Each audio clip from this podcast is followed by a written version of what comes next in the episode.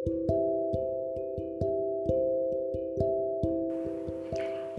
halo, malam ini aku mau cerita tentang perkuliahan aku yang aku jalanin udah hampir lima tahun dari tahun 2015 sampai sekarang tahun 2020 awalnya itu aku ngerasa aku sangat tidak pantas untuk masuk ke universitas negeri yang ada di Pulau Jawa. Karena aku ngerasa aku nggak sepinter itu buat masuk ke universitas di Jawa gitu yang standarnya lebih tinggi menurut aku. Karena aku sadar juga aku dari keluarga yang biasa aja. Terus de dengan menurut aku ya otak aku juga pas-pasan banget uh, dengan nilai yang segitu gitu ya untuk lulus SNMPTN di universitas negeri yang ada di Jawa itu aku ngerasa mustahil.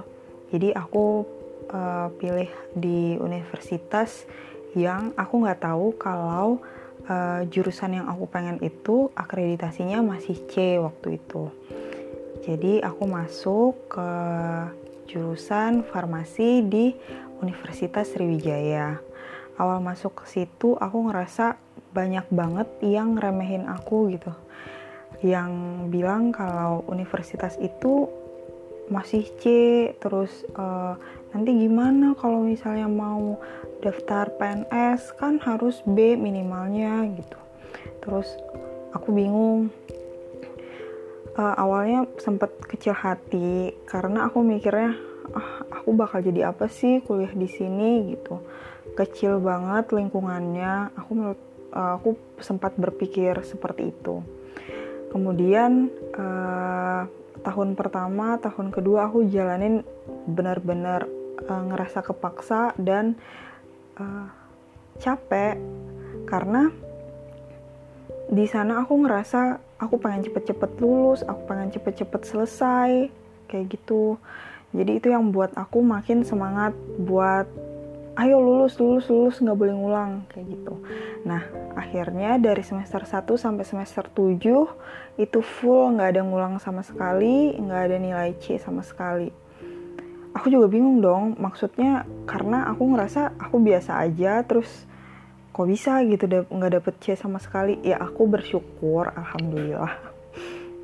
Kemudian uh, tahun pertama tahun kedua uh, aku ngejalannya sangat amat terpaksa kemudian masuk tahun ketiga mulai enjoy karena aku ngerasa banyak banget teman-teman aku banyak teman-teman yang uh, perasaannya sama kayak aku. Kemudian masuk tahun keempat aku baru kenal yang namanya uh, cinta. Nah uh, itu aku ngerasain sampai semester 7 jatuh bangun terus patah hati nangis bahagia banget putus lagi. Ah kayak gitu macam-macam. Kemudian aku lulus uh, dan jurusan aku mengharuskan aku tidak mengharuskan sih sebenarnya. Cuma aku ngerasa aku butuh lanjut ke uh, apoteker pendidikan profesi apoteker. Aku lanjut aku target aku waktu itu ITB. Tapi waktu itu yang pertama kali buka pendaftaran adalah Universitas Pajajaran. Jadi aku sama dua orang teman apply ke Universitas Pajajaran. Awalnya aku yang kayak ya udahlah nating tulus juga gitu. Terus pas ngejalaninnya, pas ngejalanin tesnya ternyata there is something lose if I if I lose gitu.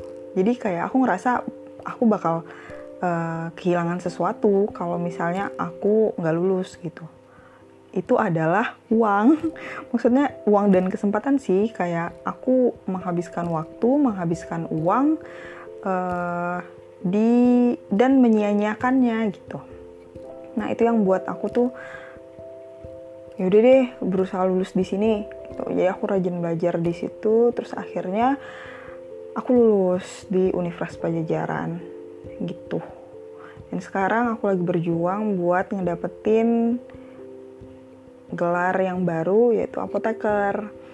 Pesan aku di cerita kali ini adalah memang awalnya orang-orang bakal ngeremehin kita karena mereka nggak tahu uh, perjuangan kita gimana. Kemudian mereka nggak tahu apa sih cerita di balik itu mereka bakal ngeremehin di awal karena mereka menganggap bahwa kita gampang sekali mendapatkan sesuatu yang menurut mereka berharga gitu. Orang bakal ngeremehin awalnya.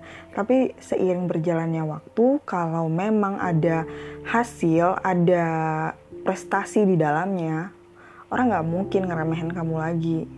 Semua kata-kata orang itu bakal balik 180 derajat gitu jadi jangan patah semangat terus berjuang jangan kalah sama apa kata orang karena apa kata orang itu kalau kamu sugestiin di diri kamu itu bakal kejadian. Jadi jangan sugestiin itu bakal terjadi gitu.